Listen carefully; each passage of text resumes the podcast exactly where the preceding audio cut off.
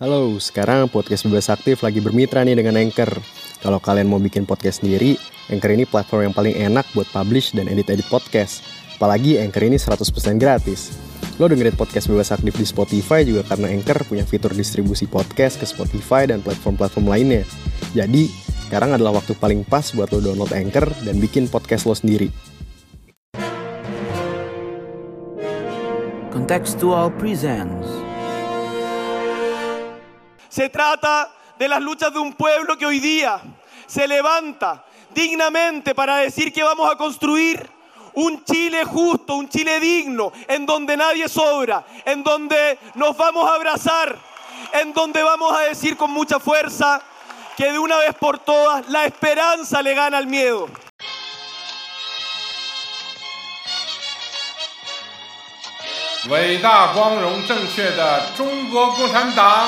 Muncie!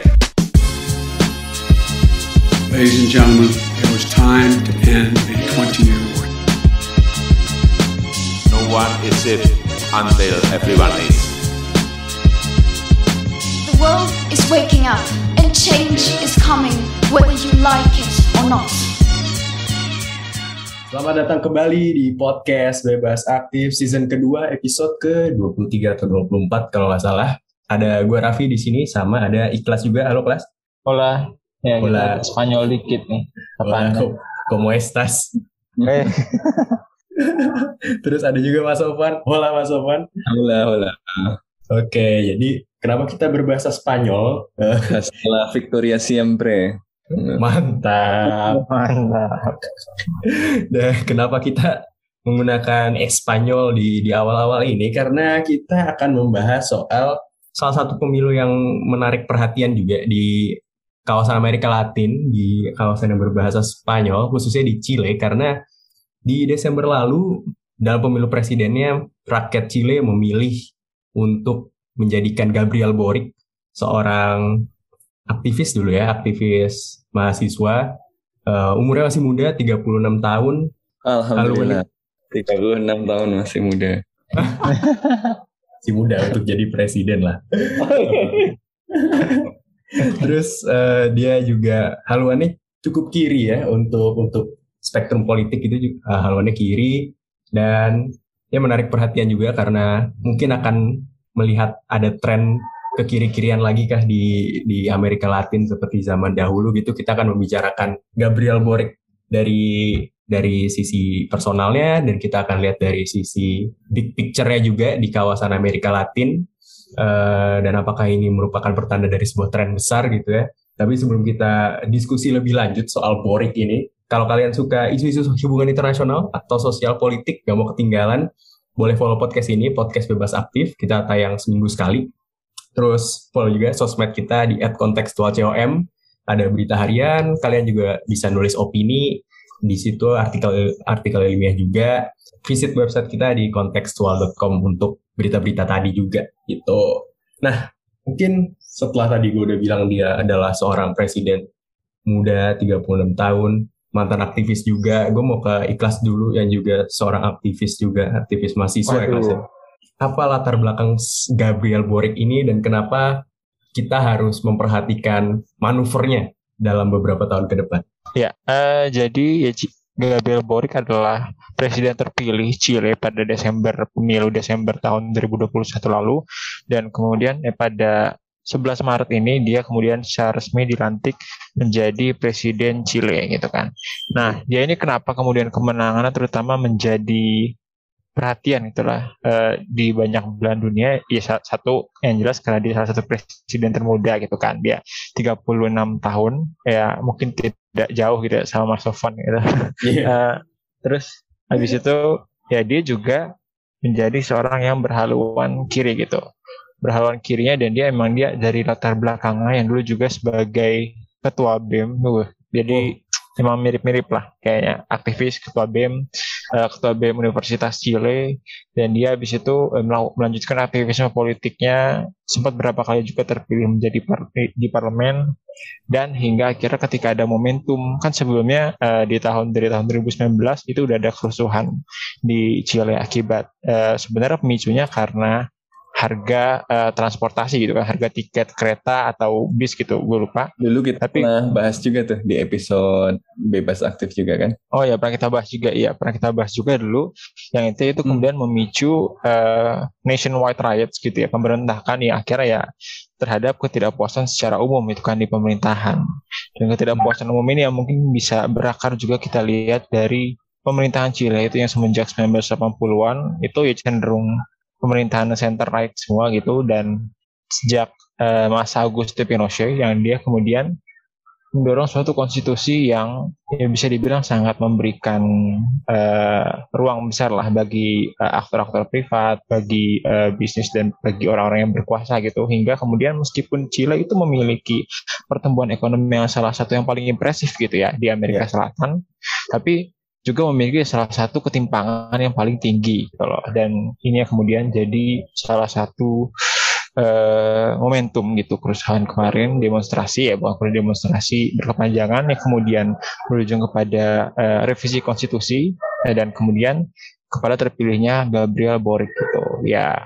Oke oke oke. Kalau Mas Sofan melihat menangnya Gabriel Boric ini seberapa signifikan sih Mas? Apalagi kalau melihat implikasinya di di kawasan Amerika Latin gitu ini kan apa ya pemerintahan kiri di Amerika Latin itu kan cukup cukup apa ya cukup menarik perhatian lah gitu kalau kita lihat eh, zaman dulu juga gitu di era siapa Chavez gitu-gitu kalau Mas Sofan lihat Boric ini gimana?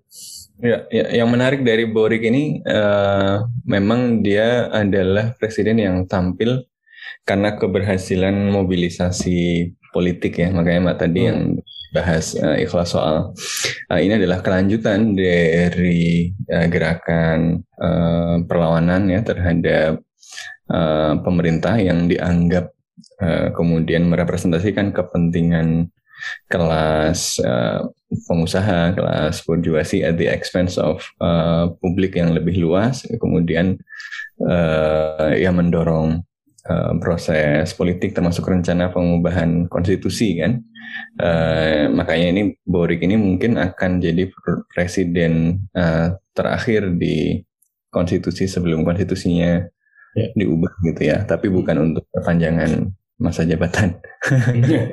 Kayak Justru di mana gitu ya. Untuk menghadirkan hmm. proses yang lebih demokratik. Nah, ini kan janjinya juga dari Gabriel Boric ya, dia akan menjadi presiden ya, dengan mandat terakhir di bawah konstitusi Pinochet. Nah, karena hmm. konstitusi ini adalah warisannya uh, Pinochet. Jadi dia signifikan karena uh, ini marks the the break ya, atau keterputusan atau departure dari tatanan politik yang uh, diletakkan uh, oleh uh, Pinochet yang kemudian membentuk Chile menjadi salah satu apa ya model gitu ya atau contoh uh, negara Amerika Latin yang menjalankan gagasan liberal gitu ya. Makanya dulu Chile kan sering disebut sebagai contoh uh, pelaksanaan uh, liberalisme gitu ya di Amerika Latin. Pada saat negara lain kalau bicara Amerika Latin ya sering melihat ini representasi kiri. Nah representasi kanannya itu di Chile gitu ya biasanya. Hmm. uh, uh, apa liberalisasi ekonomi dan seterusnya dengan beragam wajahnya gitu ya. Dan di satu sisi dipuji karena pertumbuhan ekonomi yang uh, tinggi, di sisi lain juga diwarnai dengan uh, kediktatoran yang brutal gitu ya, ya memang agak mirip-mirip sama sebuah negara lain juga gitu. Tapi kemudian uh, kita melihat bagaimana apa warisan uh, Pinochet ini kemudian sekarang sudah ya dianggap tidak merepresentasikan uh, kehendak uh, publik gitu ya. Makanya kemarin demonstrasi ya itu tidak cuma demonstrasi soal kenaikan uh, harga dan ya kebijakan-kebijakan lain yang uh, spesifik, tapi kemudian menjadi menjadi trigger dari ketidakpuasan yang lebih luas yang menyeluruh. Hmm. Uh, sehingga wajah Chile ini uh, ingin uh, diubah gitu ya. Makanya memang yang ada di kubu kanan yang me menjadi pesaingnya Boric itu jualannya adalah uh, Boric ini nanti akan menghadirkan instabilitas karena Eh, dia akan melakukan perubahan yang radikal. Nah, tapi Boric sendiri sebenarnya menjanjikan prosesnya karena dia tahu dia nggak memegang mayoritas di parlemen juga, justru akan melakukan proses perubahan yang yang gradual, jadi tidak langsung berubah gitu. Tapi ada beberapa uh, ya beberapa icon gitu ya uh, kebijakan yang yang menunjukkan bahwa dia memang menghendaki perubahan gitu. Jadi uh, sayapnya kiri tapi relatif moderat lah makanya kalau kita lihat di kabinetnya kita melihat ada yang kemudian akan merepresentasikan kelompok yang beragam. Jadi tanggal 21 Januari lain kan eh, dia kemudian memperkenalkan beberapa orang eh, yang akan menjadi anggota kabinet dan ini pilihannya merepresentasikan kelompok yang yang beragam ya termasuk apa yang lebih muda lagi 33 tahun ini dari aktivis mahasiswa juga ini menjadi uh, menteri gitu. Tapi ada juga uh, yang merepresentasikan kelompok-kelompok yang lebih ke tengah gitu ya atau kanan. Ada aktivis LGBTQI gitu ya. Mm-hmm. ada aktivis lingkungan ada minoritas. Nah jadi uh, signifikan karena dia akan menjadi presiden yang oversee proses perubahan konstitusi yang menandai uh, uh, a break from the Pinochet past gitu kan. Ini yang yang satu. Uh, yang kedua, ini juga penting karena keputusan atau upaya untuk meninggalkan warisan Pinochet ya, dan membentuk tatanan politik baru. Ini artinya ya transisi di Amerika Latin ya dari wilayah yang uh, tadinya ada Chile yang dianggap merepresentasikan gagasan neoliberal, ini ternyata bisa geser ke kiri. Makanya kemudian hmm. orang berpikir apakah ini ya artinya di tempat-tempat lain yang kemarin kelompok-kelompok kiri sempat dipinggirkan melalui berbagai proses seperti di Brazil misalnya yeah. Ya. uh, akan ada yang sering disebut uh, sebagai kudeta konstitusional gitu ya yeah. yang kemudian akhirnya membuat kelompok-kelompok kanan uh, berkuasa ya seperti Bolsonaro ya mereka juga hampir pemilu lagi dan kalau kita lihat uh, semangatnya kayaknya menular gitu ada di Kolombia di Brazil ya kandidat-kandidat yang kuat itu relatif berada di uh, sebelah kiri jalan hmm. ya, jadi uh, apakah ini artinya kemudian kita akan menyaksikan sebuah koalisi negara-negara kiri gitu ya, Bolivarian apa kalau bahasanya si Hugo Chavez kan, uh, ya aliansi Bolivarian gitu ya. Ya kita masih belum akan tahu ya, walaupun tentu tidak mudah karena kiri itu juga bukan kategori yang tunggal ya, macam-macam. Apalagi generasinya lain nih generasinya si Boric dengan generasinya yang di Brazil misalnya. Brazil nih masih yang mau maju Lula ya. Lula 76 tahun. Ah, mungkin ada gap generasi juga ya cara berpikir juga yang berbeda. Karena Bori kan fansnya siapa itu? Taylor Swift ya. Swift. Oh ya Swifties ya Swifters. Jadi uh, mungkin agak beda beda dikit gitu kan uh, dalam dalam banyak hal. Jadi uh, dia kiri tapi kirinya mungkin agak uh, berbeda karena basis sosialnya berbeda. Basis sosialnya relatif lebih muda uh, dengan pengalaman khusus Chile ya dengan dukungan kelompok yang lebih beragam. Jadi meskipun tentu kemenangan Boric ini mungkin berkontribusi pada gelombang merah muda gitu ya, gelombang pink, mungkin tidak semudah itu kemudian dihadir menjadi koalisi negara-negara kiri di Amerika Latin. Walaupun kita tentu masih harus melihat perkembangannya seperti apa. Tapi ya ini fenomena yang signifikan, satu signifikan transisi dari kanan ke kiri, pembongkaran warisan Pinochet, kedua dia mungkin berkontribusi kepada uh, pink tide, ya ketiga perubahan generasional. Boric ini mewakili generasi baru kekuatan politik di Amerika Latin menarik untuk melihat uh, Boric di Chile ini dan tren di Amerika Latin. Mungkin sebagai konteks sedikit mungkin ya karena jadi Chile itu sebelum Boric mungkin didominasi oleh warisan-warisannya Pinochet ya. Pinochet kan naik di tahun 73 ya. Setelah uh, ada kudeta kepada Presiden Salvador Allende dan akhirnya warisannya warisan neoliberalnya Pinochet yang penasihatnya Milton Friedman ya Mas waktu itu ya. Betul betul. Dan menarik sekali lihat apa interaksi antara para ekonom ini dengan kebijakan ekonomi dan kebijakan uh, anti demokratik yang dilakukan oleh orang yang jadi konsultannya gitu ya. Yeah. Uh, orang yang dikonsultasinya gitu. uh, neoliberalisme yang otoritarian gitu kalau di di Chile di zamannya Pinochet itu dan akhirnya warisannya masih mengakar sampai ya era kontemporer ini akhirnya menimbulkan protes dan ujung-ujung langsung ada Gabriel Boric yang menjadi simbol mungkin ya simbol perlawanan perlawanan terhadap sistem sistem tersebut gitu. Nah uh, sebenarnya Ikhlas juga menulis sebuah tulisan yang menarik gitu ya di sebulan yang lalu di di kontekstual gitu. Nanti linknya gue kasih di deskripsi deh.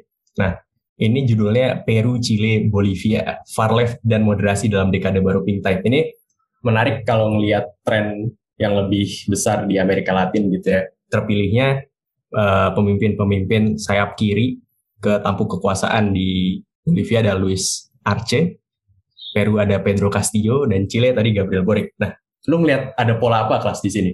Oke, okay, ya jadi konteks dulu mungkin ya. Kalau kita bahas kawasan Amerika Latin itu ya kita uh, konstelasikan ya kebanyakan antara partai-partai yang berhaluan kiri sama berhaluan kanan gitu ya. Yang mungkin mirip-mirip kayak di Eropa dan uh, kalau kalau biasanya itu ada tren regional gitu. Jadi kalau ada pada satu saat kebanyakan dari pemerintahan di Amerika Latin itu sayap kiri gitu kan, baik center left ataupun far left gitu kan tergantung itu biasanya kita sebut sebagai pink tide gitu. Jadi gelombang merah muda. Tapi kalau kebanyakan pemerintahannya itu center right atau bahkan far right gitu, berlian kanan, kita sebutnya blue tide gitu kan. Nah, jadi uh, sebelumnya setelah setelah kasus korupsi di Dilma Rousseff gitu kan dan uh, tren kawasan pada 2015-2016 lah itu kayaknya berubah menjadi uh, brutal gitu kan jadi banyak kemudian pemerintahan yang konservatif gitu yang beralih yang beralir, beraliran sayap kanan.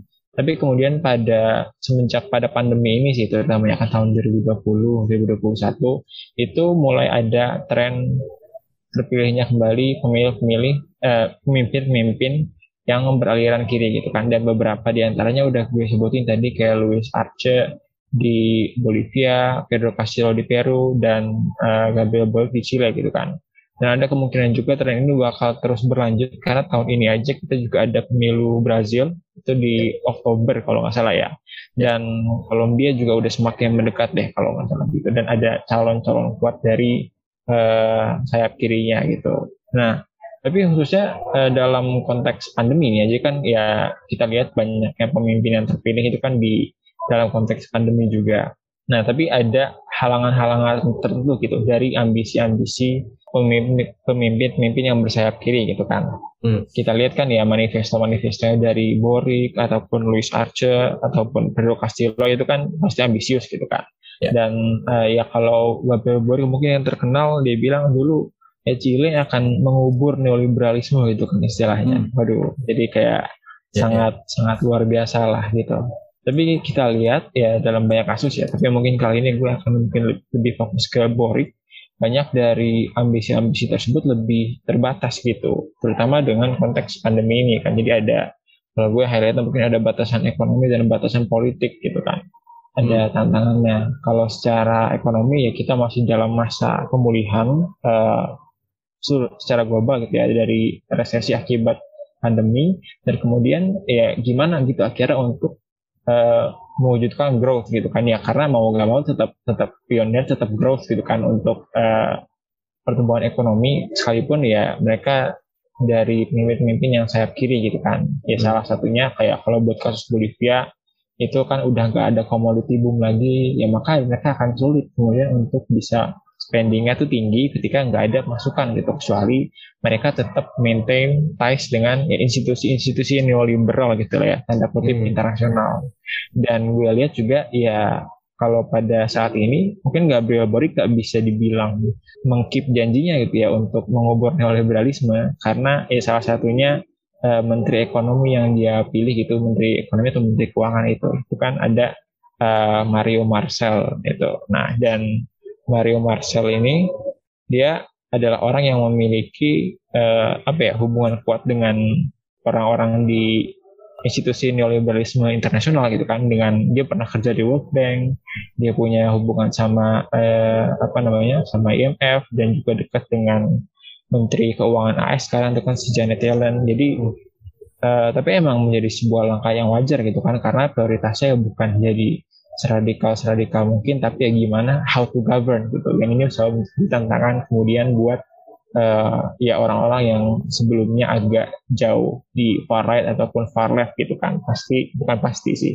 Seringkali uh, harus kemudian menjadi uh, semakin sentris dan membangun konsensus gitu kan dan selain itu juga ada tantangan-tantangan politik yang udah sempat disinggung sama Mas Sofwan juga tadi bahwa ya uh, di parlemen Chile yang bicameral jadi ada ada DPR dan ada uh, ada lower house dan ada upper house-nya gitu keduanya itu tidak dipegang mayoritas secara absolut oleh koalisi-koalisi sayap kiri gitu kan. Kalau koalisi sayap kiri di lower house-nya dari 155 kursi itu sekitar 79 lah. Dan itu tipis banget gitu kan. Jadi eh, butuh dibangun konsensus apalagi di senatnya itu di upper house-nya dia cuma punya 49 kalau nggak salah gitu dari ini pokoknya kurang dari setengah kurang kurang dari setengahnya tipis dan ya akhirnya mau nggak mau harus membangun uh, kerjasama kan dengan partai-partai lain yang sentris ataupun bahkan yang uh, center right gitu. Dan itu yang menjadi ya tantangan lah buat Borik kemudian. Tapi dia udah menunjukkan emang bahwa dia mampu untuk melakukan moderasi gitu kan dan ya, uh, menjadi semakin ke tengah sambil tetap menjaga ya beberapa hal yang kemudian bisa dia tetap jalanin gitu. Tapi gue jadi penasaran kelas maksudnya kalau kita lihat kiri di Amerika Latin tuh sebenarnya bentuknya seperti apa sih? Kan kayaknya agak identik sama yang namanya otoritarianisme gitu di di di Venezuela misalkan gitu. Dan kiri di kiri di kawasan-kawasan lain tuh kan beda-beda ya. Kalau di Amerika mungkin akan identik dengan Bernie Sanders dan AOC gitu Medicare for all. Di Inggris mungkin agak lebih agak lebih jauh lagi NHS gitu-gitu. Nah kalau di Latin Amerika sendiri bentuk kirinya tuh seperti apa sih? Maksudnya kalau lihat Borik ada kompromi-kompromi juga ternyata. Ya mungkin kiri kiri kalau orang banyak bedainnya ada center left sama far left ya. Tapi sebenarnya yang bedain nggak cuma itu doang sih karena ada juga kan ya yang kita lihat yang kirinya otoriter kayak Nicolas Maduro gitu kan. Yeah. Hmm, kalau dulu mungkin sebenarnya lebih didiferensiasi karena lewat eh, kebijakan ya kebijakan kebijakan ekonomi gitu kan. Kalau Bolivia dulu siapa itu namanya? Evo Morales gitu Evo, Evo Morales. Tuh banyak uh, melakukan nasionalisasi uh, dan lain sebagainya. Dan itu kan ya menjadi kebijakan yang sangat kiri gitu. Emang nggak ramah investor nggak ramah bisnis atau apa. Tapi yang center left itu yang dia lebih ya fokusnya ke welfare. Gitu. jadi sebenarnya mungkin nggak beda jauh sama Eropa kecuali uh, ada ada apa namanya? Ada ya mereka yang kemudian far banget yang sampai kebijakan kebijakannya kayak gitu. Tapi polanya kan ya tetap kiri kanan gitu. Jadi uh, opsi kebijakannya kayak gitu. Hanya dengan konteks yang berbeda gitu kan ada konteks Amerika Selatan.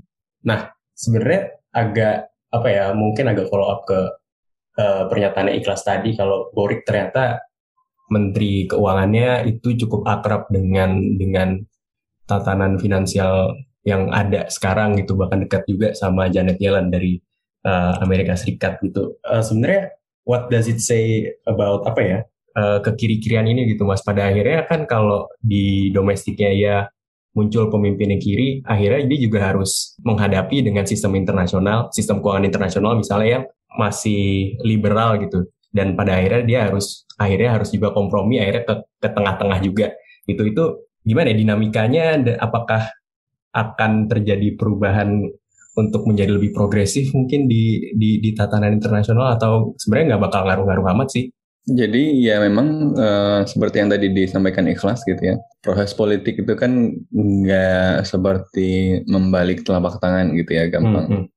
Eh, kelompok-kelompok punya bayangan ideal tentang misalnya masyarakat dan kebijakan yang mau dibangun, tapi mereka kan uh, harus melihat realitas politik ya, dan institusional yang melingkupi mereka dan di realitas ekonomi juga gitu kan. Uh, dan menurut saya uh, justru uh, Borik itu memikirkan tentang ke keberlanjutan ya upaya atau agenda besar untuk uh, mengubah uh, tatanan politik di Chile kan daripada uh, stalemate dan nggak berhasil misalnya membongkar warisan Pinochet dan mendorong agenda-agenda yang lebih progresif ya memang harus ada beberapa kompromi yang dilakukan. Dan menurut saya apa yang dilakukannya misalnya dengan memilih menteri keuangan ya dia dianggap cenderung liberal ya Jadi, uh, menteri keuangannya kan yang dipilih Mario Marcel ya yang sekarang merupakan uh, kepala bank sentral itu mengirimkan sinyal pada ya mungkin kelompok kelompok-kelompok yang khawatir bahwa Borik ini akan menghadirkan perubahan yang radikal sehingga akan menghadirkan instabilitas gitu. Ya dia kemudian menunjukkan dengan pemilihan ini bahwa saya ya tetap berkomitmen pada kondisi pemulihan ekonomi ya pada tanggung jawab ya uh, fiskal yang masuk akal gitu walaupun pada saat yang bersamaan dia juga menorong men mendorong agenda-agenda yang progresif ya. Jadi baru-baru ini misalnya uh, Boric kan juga membawa Chile masuk ke dalam perjanjian lingkungan ya. Skazu Agreement. Ya, yang yang dulu Chile sempat nggak nggak jadi nandatangani. Ya, ya. ya itu kan nah, Chile kemudian menandatangani pakatan uh, Escazu ini. Uh, ya ini kan menunjukkan bahwa ada perubahan yang signifikan juga karena pemerintah sebelumnya Pinera itu kan sangat nggak mau ini uh, ya karena dia ya, pro bisnis pro investasi ya kan sering melihat bahwa kesepakatan-kesepakatan lingkungan ini kan menghambat ya. ya jadi memang ada kebijakan-kebijakan yang menunjukkan bahwa dia mendorong perubahan yang serius tapi tidak serta merta semuanya kemudian jadi kebijakan kiri gitu yang mungkin malah hmm. jadi nggak sustainable jadi secara keuangan ya pengelolaan anggaran negara, kebijakan ekonomi, mungkin akan ada perubahan gradual dengan mungkin uh, jaminan sosial yang lebih kuat, ya. mungkin juga peran negara yang lebih uh, kuat, tetapi tidak serta merta berubah ya, melakukan nasionalisasi misalnya seperti yang di Bolivia atau di Venezuela. Jadi ya dia tentu belajar juga dari pengalaman uh, Venezuela, Bolivia hmm. yang uh, sering kali perubahan-perubahan yang sangat besar dan radikal itu tidak hanya memicu uh, polarisasi dan perlawanan yang kuat dari dalam, tapi juga intervensi dari luar kan, seperti yang dialami Venezuela dan Bolivia dan Brazil dan ya dia harus meyakinkan pihak yang beragam tadi ya di ke seberang dia harus meyakinkan bahwa saya nggak akan menghadirkan instabilitas dan kekacauan ya, ke dalam dia harus meyakinkan bahwa ini bukan saya kemudian jadi cemen gitu. Ya ini adalah uh, bagian dari upaya melakukan perubahan supaya bisa lebih berkelanjutan. Hmm, hmm, hmm. Ya, tapi uh, kalau menurut gue ya meskipun kan kalau kita lihat ya masalah kekiri-kirian kalau di perihal ekonomi emang ada struktur internasional gitu loh. Dan ya aktor-aktor eksternal yang kemudian merestriksi opsi-opsi dari Borik gitu kan atau dari pemimpin kiri yang lainnya. Tapi untungnya bagi Borik gitu ya, dia kan juga eh, apa, permasalahan ideologi kiri itu nggak cuma di soal ekonomi tapi juga soal sosial gitu kan dan itu yang menurut gue lebih bisa dimainin sama Borik jadi kayak isu-isu terkait LGBT terkait partisipasi perempuan terkait hak-hak hmm. indigenous gitu kan itu yang kemudian bisa dijalanin sama Borik sampai sekarang itu loh jadi kayak mungkin konstituen dari kirinya juga nggak nggak yang nggak yang grand grand amat itu masih cukup oke okay lah. Betul. Jadi lebih di kebijakan-kebijakan sosial yang resistensi dari status quo itu nggak terlalu tinggi kan? Karena nilai masyarakat kan juga berubah. Sekarang yang konservatif yang kanan pun lebih menerima apa ya kebijakan-kebijakan progresif kalau itu di aspek sosial bukan ekonomi ya gitu kan inklusi yang lebih luas pada kelompok-kelompok minoritas dan seterusnya ini agenda-agenda yang uh, bisa didorong dengan dengan cepat dan percaya diri oleh Borik. Ini ini ini bukankah justru menunjukkan kalau sebenarnya kan kebanyakan munculnya unrest, unrest uh, gitu-gitu di dalam sebuah negara kan biasanya apalagi sekarang-sekarang ini ya karena ketimpangan ketimpangan pendapatan gitu, ketimpangan ekonomi. Dan approach-nya ya harusnya solusinya juga kebijakan ekonomi gitu yang lebih progresif. Semisal kalau begitu berarti dengan kenyataan bahwa ternyata ya sulit untuk menerapkan kebijakan progresif di bidang ekonomi ya berarti emang emang beneran susah gitu uh, untuk pemimpin-pemimpin yang haluannya progresif ketika kampanye ya akhirnya harus kebentur sama sistem internasional yang emang udah begini dari sononya gitu. Susah, tapi bukan berarti nggak beru nggak berubah sama sekali gitu kan. Ketika hmm. dia dipilih jadi menteri kan pasti dikasih tahu juga saya punya agenda ini uh, dan saya punya janji kepada konstituen seperti ini. Hmm. tapi saya juga tahu uh, ini misalnya nggak akan mulus karena ada konsekuensi perlawanan dari status quo ada konsekuensi. Jadi mungkin yang diminta adalah bagaimana uh, bisa membangun kompromi kan. Artinya ada hal-hal yang saya harus dorong uh, perubahan juga di sektor ekonomi dan sektor keuangan. Uh, tapi secara bertahap and and by being my minister gitu kan Anda bertanggung jawab untuk juga mendorong uh, kebijakan yang menjadi lebih inklusif, lebih uh, progresif itu tadi, sambil tetap menjaga stabilitas, sambil tetap meyakinkan uh, status quo ya kelompok-kelompok pengusaha bahwa misalnya ya mereka nggak akan uh, mendapatkan dampak yang terlalu merugikan gitu ya. Halo, sekarang podcast Bebas Aktif lagi bermitra nih dengan Anchor.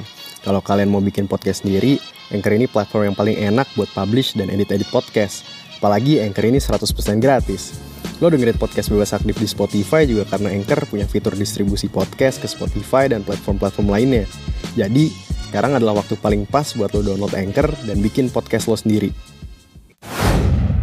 Dalam hubungan antara Amerika Latin ini dengan dengan tetangga di utara yang yang hubungannya agak panas dingin panas dingin sebenarnya. Amerika Serikat gitu. Biasanya kan kalau pemimpin-pemimpin kiri di Amerika Latin agak antagonis ya ke Amerika Serikat. Nah sementara Boric tadi lu juga udah bilang ternyata dekat gitu sama Menteri Keuangannya dekat sama Janet Yellen. Apakah kalau dalam kebijakan luar negeri di kawasan dengan Amerika Serikat, mungkin ini nggak akan terlalu antagonis ke Amerikanya juga. Nah, kalau itu jujur gue belum gue belum tahu sih ya. Kalau selama ini kan ya dengan haluan center right dia itu jadi salah satu uh, enduring alliance-nya Amerika Serikat gitu lah dalam banyak aspek di Amerika Latin. Tapi kalau sekarang kayaknya uh, ya Boric nggak sengaja mengantagoniskan Amerika Serikat gitu kayak Nicolas Maduro misalnya kayak gitu kan. Jadi kayak uh, belum ada pernyataan-pernyataan yang kayak gitu so far apa as far as I'm concerned ya. Dan kayaknya bakal dibutuhkan juga kan support Amerika Serikat. Meskipun ya kayaknya nggak ada interaksi yang meaningful banget gitu so far antara Amerika Serikat sama Chile. Kayak gimana harusnya? Jadi kayaknya memang sengaja tidak apa rally-nya itu bukan rally model perang dingin gitu yang kemudian yeah. melakukan satu kekuatan besar global gitu setan besar Amerika Serikat gitu kan nggak kayak yang generasi lamanya kan. Iya yeah, benar. lebih ke concern uh, domestik dan menjawab uh, pertanyaan itu dan untuk menjawab pertanyaan itu dia butuh untuk tidak mengantagonisasi Amerika Serikat dan Amerika Serikat sendiri juga melihat uh, apa tidak produktif untuk uh, menyerang uh, Boric juga gitu kan. Uh, belajar dari Venezuela, Brazil yang dan lain-lain yang yang uh, apa menunjukkan bahwa dukungan eksternal juga ternyata nggak terlalu berpengaruh pada uh, politik domestiknya Venezuela misalnya. Sudah ada dorongan uh, perubahan politik saja nggak kayak jadi jadi malah memperkuat uh, kelompok anti Amerikanya gitu kan. Jadi hmm. Amerika Serikat juga uh, rasanya masih lihat-lihat dulu dan tidak mengantagonisasi. Bahkan Biden memuji kemenangan Boric ya uh, yeah. sebagai powerful example for the world. Menarik. Oh iya benar-benar. Uh, memberikan selamat ya dan kemudian apa mengatakan bahwa ini ya contoh yang kuat bagi demokrasi, ya, memujinya sebagai apa representasi uh, dari ya kekuatan demokratik ya kebangkitan uh, demokratik di Amerika Latin. Jadi so far yang dibicarakan dengan Amerika Serikat juga baru soal kerjasama uh, untuk recovery dari pandemi dan climate change ya. Yang kebetulan, nah ini mungkin kebetulan juga karena Biden kan banyak didorong oleh kelompok-kelompok progresif ya. Jadi jadi ada tidak cuma Chile-nya yang lebih misalnya moderat juga gitu di Amerika Serikatnya juga uh, agak moderat gitu kan sehingga uh, tidak mengantagonisasi juga karena ada faksi-faksi progresif yang mendukung Biden kan yang mendorong uh, kebijakan hijau yang mendorong kebijakan-kebijakan sosial dan ekonomi yang lebih progresif. Jadi sebenarnya ada yang lain juga di situ.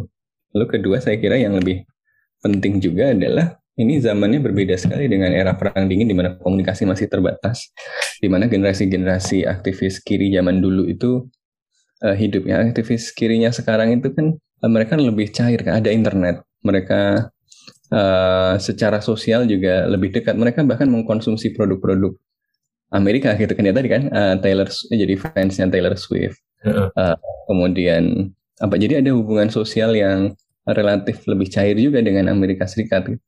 Antagonismenya itu nggak seperti zaman dulu kan. Zaman dulu kan kayak di Indonesia aja ada musik ngak ngek ngok gitu kan. Beatles aja sempat jarang gitu.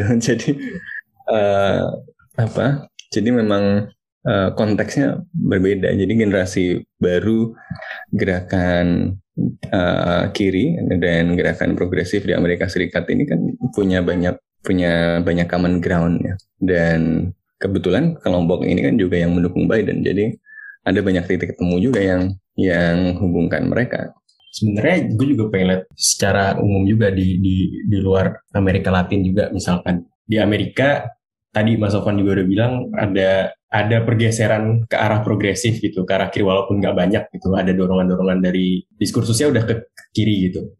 Di Eropa kayaknya udah menuju ke situ juga kayaknya ya. Jerman yang kepilih SPD, di Amerika Latin gitu juga. Kalau menurut lu kelas, apakah emang diskursus ekonomi politik mungkin udah ke arah progresif di di level global kelas menurut lu? menurut gue gimana ya uh, gak bisa diterjemahin seperti itu juga sih cuman hmm. kalau gue mungkin yang bisa disimpulin kayaknya konteks pandemi yang lebih sesuai buat eh, partai-partai yang center left gitu kan yang saya kiri gitu kan namanya karena krisis hmm. ya gue butuh uh, spending yang tinggi butuh uh, ya buat menopang kesehatan rakyat, welfare state, dan ya kalaupun perlu utang atau segala macam buat nambal kebutuhan rakyat sekarang ya nggak apa-apa gitu kan. Dan kita lihat juga eh, partai-partai yang center right sekalipun ya harus melakukan itu gitu kan. Donald Trump juga ngasih sempat ngasih gitu kan buat eh, beberapa kali itu ya beberapa uh, bantuan tunai gitu kepada rakyat-rakyat Amerika Serikat gitu. Di Indonesia malahnya kita agak agak nggak ngasih ya kayaknya. Kayak enggak ya? Enggak enggak iya. Uh, adanya okay. program pelatihan prakerja uh, jadi terus lebih kayak pandemi kali ya? Iya. Jadi kayaknya kalau menurut gue mungkin lebih karena pandemi ya. Jadi momentumnya pas dan mungkin sebelumnya emang udah agak fed up juga sama pemerintahan pemerintahan yang uh, center right gitu. Hmm. Tapi kalau institusi ekonomi internasional sih tetap tetap ya neoliberal gitu kita bilang meskipun ya nggak bisa dibilang nggak adaptif terhadap krisis ya. Kita lihat kalaupun ada krisis ya tetap bisa dibantu gitu kan sama IMF atau gimana pun. Meskipun konteks neoliberalismenya tetap ada. Ya kita belum tahu ya. Yang jelas uh, legitimasi dari tatanan liberal kan memang sedang mengalami krisis gitu ya. Dengan mulai dari krisis ekonomi uh, Amerika ya tahun 2008 2009 ya krisis uh, Eropa.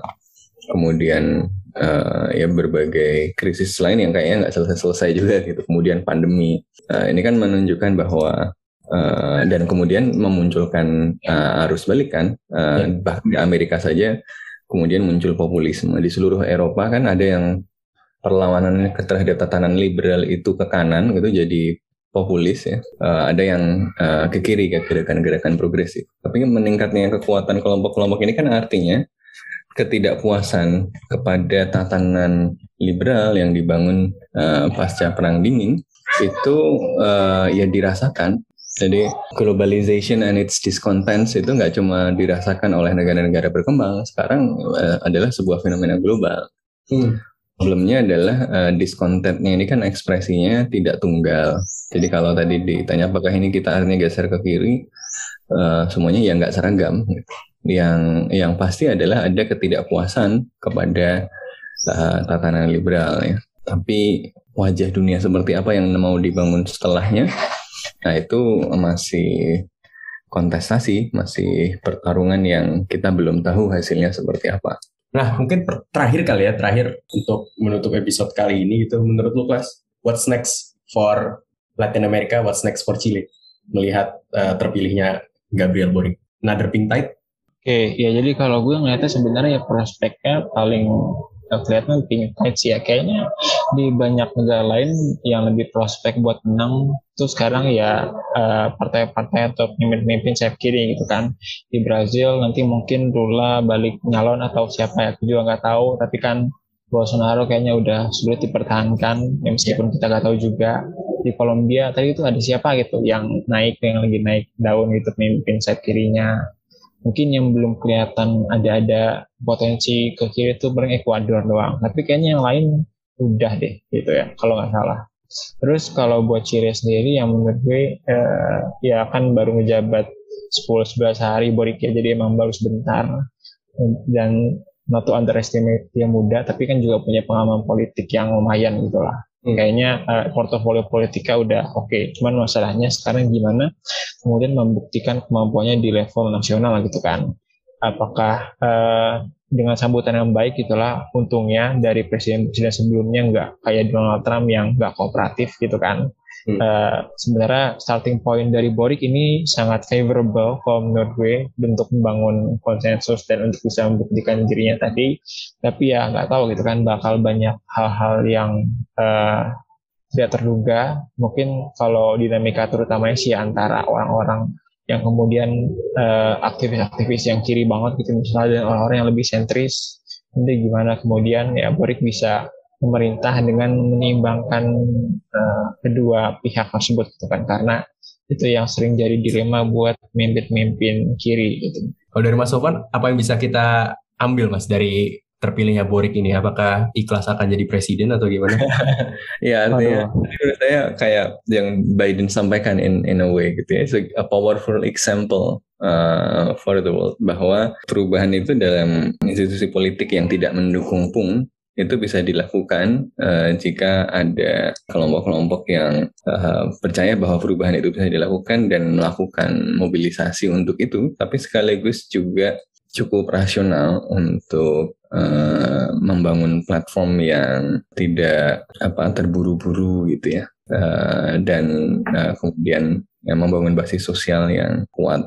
Nah ini uh, saya kira memang menunjukkan bahwa uh, ya sudah saatnya generasi muda yang melihat dunia dengan cara yang berbeda dan lebih luas itu ya bisa uh, maju dan mendorong perubahan.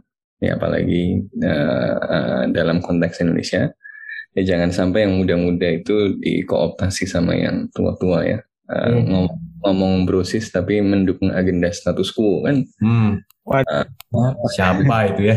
Siapa Uh, harus muncul nih generasi uh, muda yang yang yang beneran gitu ya, nggak cuma jualan muda dan tampang muda, tapi semangat yang muda, cara memandang dunia yang uh, fresh ya, yang ya. ya yang segar, yang menawarkan harapan gitu ya, seperti yang disampaikan oleh Borik ya, uh, bahwa kemenangannya adalah kemenangan harapan atas ketakutan ya. Mari menangkan harapan juga di Indonesia.